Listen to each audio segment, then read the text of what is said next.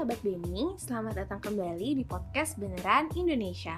Kenalin, aku Cika dan hari ini aku nggak sendirian, aku ditemenin sama teman semeja aku yang seru, the one and only Salsa.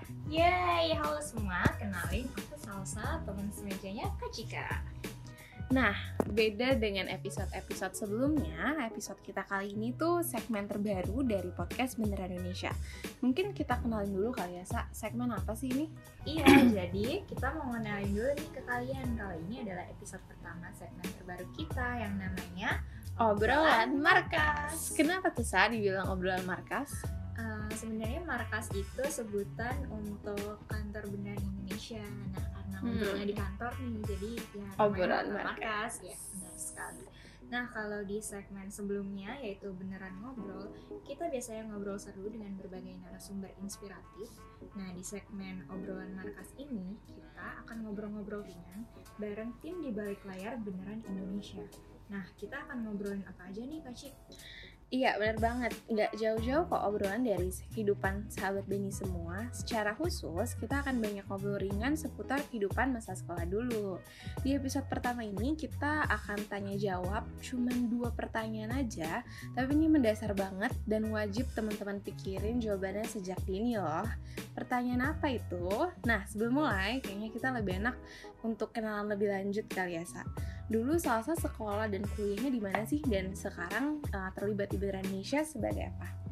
Dulu aku sekolah di salah satu SMA negeri di Depok dan uh, lanjut kuliah di Asia Pacific University di Kuala Lumpur.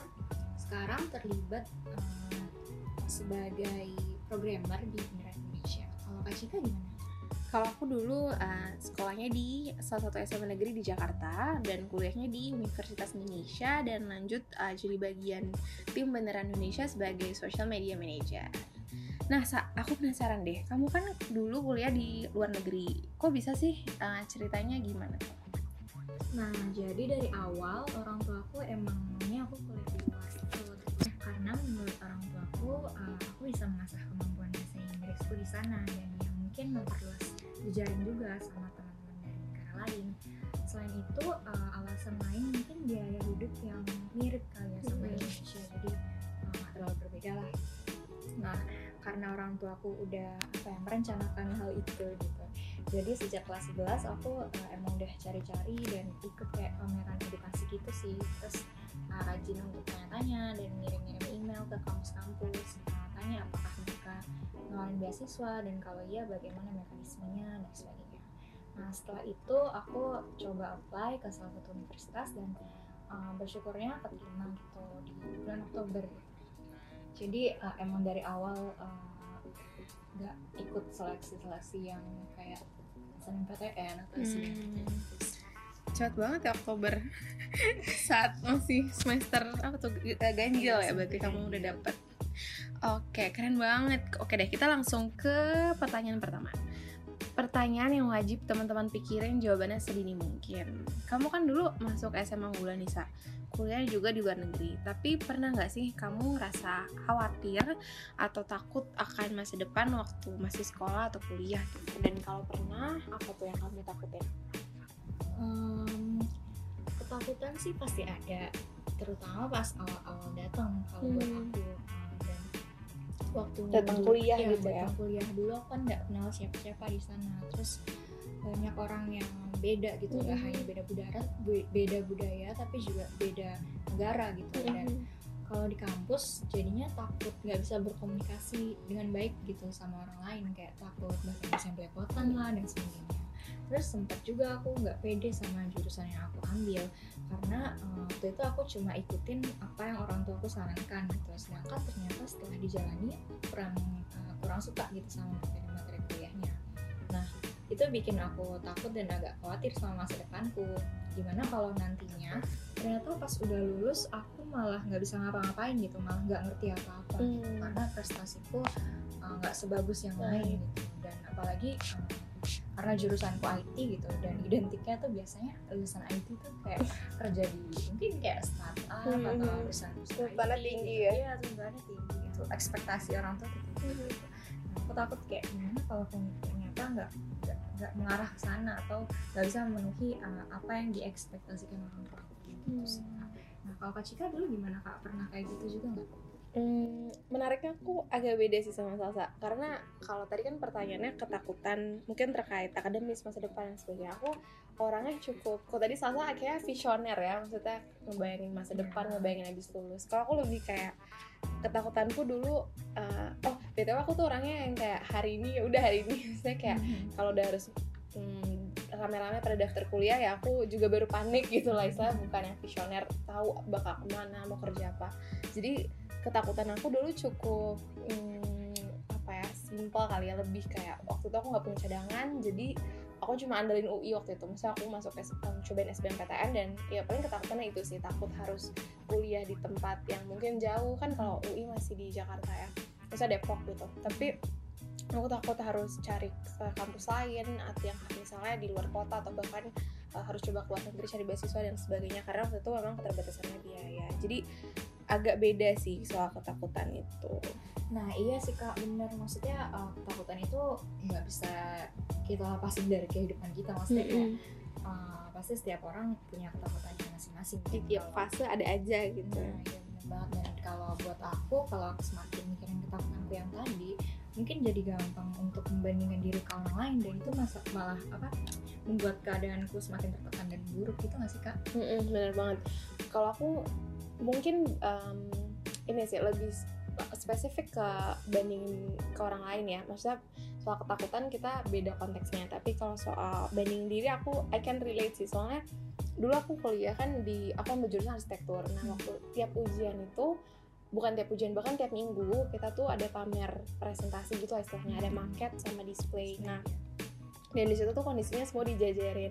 Nah aku sering banget kayak misalnya aku udah totalitas bikin presentasi tapi masalah marketku nggak se-wow itu. Sebenarnya istilahnya tetangga panelku tuh maketnya tuh yang kayak laser cut lo bawa bagus banget. Terus tuh aku bisa yang kayak ngeliatin punya dia Hmm. terus buyar apa yang aku udah siapin prestasinya padahal udah aku detailin segitunya. Jadi uh, bener banget kayak emang gawat kalau kita tuh orientasinya lihat dan bandingin yang lain terus kayak Hmm. gitu. Rasanya rumput orang lain ya akan terus lebih hijau gitu kita jadi kayak apa ya blur nggak nggak lihat um, mungkin strength kita sendiri. Ya mungkin uh, pada konteks tertentu penting ya buat belajar jadi pemicu buat berkembang tapi kan nggak serta merta harus sama persis. Dia misalnya makanya bagus aku juga harus kayak gitu. Misalnya um, motivasinya bukan kayak gitu. Dan aku juga inget kayak hidup ini kan bukan perlombaan ya. Tapi gimana kita bisa saling mendukung nolong kolaborasi untuk jadiin dunia lebih baik buat semua orang. Mungkin kalau konteks aku ya misalnya dia baik di marketnya aku baik di konsepnya mungkin kita bisa collaborate buat uh, mungkin urban society yang lebih baik misalnya Ya. kayak gitu. Aku setuju banget sih. Uh, setiap dari kita pasti punya perannya masing-masing. Misalnya kita pengen uh, bisa semuanya gitu. Kita pengen uh, semua hal kita miliki gitu. Uh, hal yang aku nggak bisa atau nggak punya pasti di orang lain uh, bisa jadi uh, saling melengkapi gitu untuk tujuan bersama kayak yang tadi Cika kasih gitu. Kalau di perumpamaan uh, misalnya kayak mata gitu udah jelas perannya Uh, nggak perlu iri sama tangan yang bisa melakukan hal lain gitu. Mata buat melihat misalnya Mm-mm. tangan ya buat ngambil apa Mm, semua ada bagiannya lah ya Oke, nah kita lanjut nih ke pertanyaan kedua. Sa, kalau misalnya kamu punya superpower untuk balik ke masa lalu, kamu bakal pilih waktu kapan dan apa yang mau Salsa lakuin? nah mungkin uh, aku pengen balik uh, waktu aku jadi masih jadi apa ya pelajar gitu siswa mungkin pas Hmm. SMP atau SMA kali ya di mana aku masih punya waktu untuk eksplor banyak hal mengetahui atau mengenali minat dan kemampuan yang bisa aku hasilkan dari minat tersebut gitu. Sehingga mungkin uh, itu juga bisa menolongku untuk memilih. Kan tadi aku ceritanya kayak agak kurang pede gitu sama Mm-mm. jurusannya. Mungkin kalau aku udah kenal minat aku itu bisa menolongku untuk memilih jurusan gitu juga. Sewaktu kuliah terus uh, karena kan udah tahu apa yang akan dilakukan ke depannya dan harapannya kalau itu dilakukan dengan sepenuh hati dan maksimal bisa buat apa nolong banyak orang juga Hmm, gitu. selain itu di masa-masa sebagai pelajar juga gitu uh, aku rasa kayak mungkin aku bisa lebih bebas itu untuk cobain banyak kegiatan gitu kayak volunteering kegiatan organisasi dan mungkin juga lomba-lomba. Nah, salah satu yang aku agak nyesel gitu Mm-mm. uh, aku dulu baru ikut lomba tuh pas tingkat akhir kuliah gitu. Padahal uh, banyak banget gitu yang bisa aku pelajari ketika aku ikut kegiatan kayak gitu gitu. Uh, seperti kayak kemampuan presentasi Hmm. kemampuan uh, apa manajemen proyek gitu misalnya. Mm-mm, bener. atau kemampu- apa uh, kemampuan komunikasi sama uh, orang lain di dalam kelompok gitu.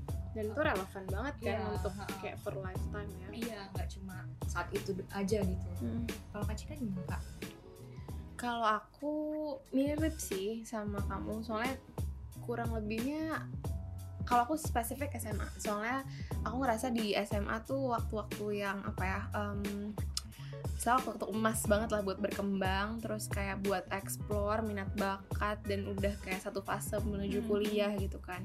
Dan aku ngerasa juga, um, jujur dulu aku masuk jurusan yang aku pilih itu uh, agak buta gitu. Maksudnya ngeraba-raba aku kayak ngerasa-rasa aja kayak oh aku suka gambar. Terus aku suka fisika. Ya tengah-tengahnya ketemunya di arsitektur gitu. Kayak kan tuh nggak ternyata tuh nggak nggak relevan. Maksudnya pas aku masuk nggak gitu gitu. Iya. fisika tuh bahkan nggak terlalu ya ada lah fisika bangunan cuman nggak terlalu may- mayor gitu. Mm-mm, jadi kayak dan sedihnya yang uh, lebih ini lagi aku nggak dapet bigger picture ya gitu. Maksudnya aku nggak ngerti bahwa ya emang pendidikan tujuannya mencipta tujuannya Iya. menolong. Jadi ya aku mikir itu bagian dari siklus yang harus dipilih aja. Jadi dari semua pilihan aku pilih yang paling mending ya atau nggak menyiksa buat aku gitu. Ternyata menyiksa sih.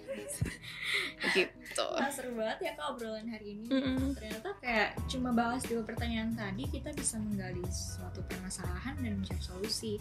Nah aku berharap banget sih sejak dini aku bisa tahu hal-hal uh, yang kita obrolin tadi gitu. Jadi aku bisa si- lebih siap menghadapi masa-masa sekarang dan masa depan nanti Iya, setuju banget, Sa. Seneng banget kalau kayak sejak SMA atau bahkan SMP kalau perlu Iya, kita bisa didorong untuk mikirin hal-hal ini dan diajak untuk terus belajar. Dan belajarnya tuh nggak cuma akademis nggak cuma yang di buku teks tapi benar-benar gimana uh, harus nyiapin masa depan maksudnya gimana skill apa yang uh, relevan buat dunia kerja buat bisa kontribusi buat Indonesia mungkin dan karakter apa sih yang harus dimiliki kayak gitu. Nah kabar baiknya nih Sa Indonesia punya platform yang bisa ngewadahin ini bahkan sekarang platformnya online jadi di mana pun dan kapan pun bisa ikutan program ini Yap, benar banget. Seperti yang udah sering kami publikasikan juga di Instagram dan website Beneran Indonesia, kami punya program namanya Creating for Impact. Jadi melalui program ini, teman-teman bakal dapat kesempatan untuk melakukan advokasi sosial melalui platform video atau desain grafis. Nah, dari situ juga teman-teman bakal dapat banyak pembelajaran dan kesempatan untuk memberi dampak positif bagi komunitas walaupun di rumah aja. BTW Sa, yang daftar nih udah dari banyak tempat loh Dari Pekanbaru, Makassar, Malang, sampai Papua juga ada Wow. Nah, kalian bakal belajar banyak. Eh, em, Banyak yang tanya kalau ini tuh workshop short movie ya kak, gitu. Tapi enggak. Jadi outputnya memang akan eh, video atau desain. Tapi yang diajarin tuh bakal jauh lebih banyak dan eh, lengkap, komprehensif lah. Ada cara berpikir kritis, gimana riset, manajemen waktu dan proyek, gimana kita bisa lebih peduli dan peka melihat fenomena yang ada di sekitar kita dan kemudian jadiin itu bentuk karya nyata lewat video atau desain grafis. Tujuannya buat nyuarain isu-isu sosial yang masih jadi polemik dan butuh so- solusi dari generasi muda kita. Nah, jadi nggak cuma um, tentang teknis pembuatan uh, video atau desain grafis aja ya kak, tapi Betul. banyak hal lain yang bisa kita dapetin. Dan pastinya ilmu ini tuh mahal banget sebenarnya teman-teman dan uh, sulit atau jarang banget kita bisa dapat kesempatan kayak gini. Jadi aku mau ngajakin yuk ikutan buat kamu yang masih SMA atau uh, kuliah setingkat S1 dan sederajat. Kamu bisa langsung daftar uh, lewat website Beneran Indonesia di www.beneranindonesia.id slash creating dash for dash impact sampai kapan nih kak kira-kira pendaftarannya? Sampai dua hari lagi. Dan dulu kalau ini udah ada pas aku SMA, aku daftar ini pertama, Sa. pasti ikutan ya kan kak? Bener banget. Jadi segera daftar dan sampai ketemu di program Creating for Impact ya teman-teman. Nah mungkin itu aja obrolan mereka hari ini ya Sa. Senang banget bisa ada segmen baru dan akan ada banyak pendampingan lain di waktu mendatang. Tungguin ya. Iya, senang banget bisa ngobrol bareng Kak Cika dan semoga ini juga bisa jadi pelajaran buat sahabat Beni yang mendengarkan.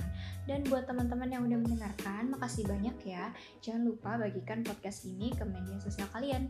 Tag Instagram at beneran.indonesia dan gunakan hashtag aku pilih peduli dan hashtag di rumah aja. Sampai jumpa di episode selanjutnya. Bye!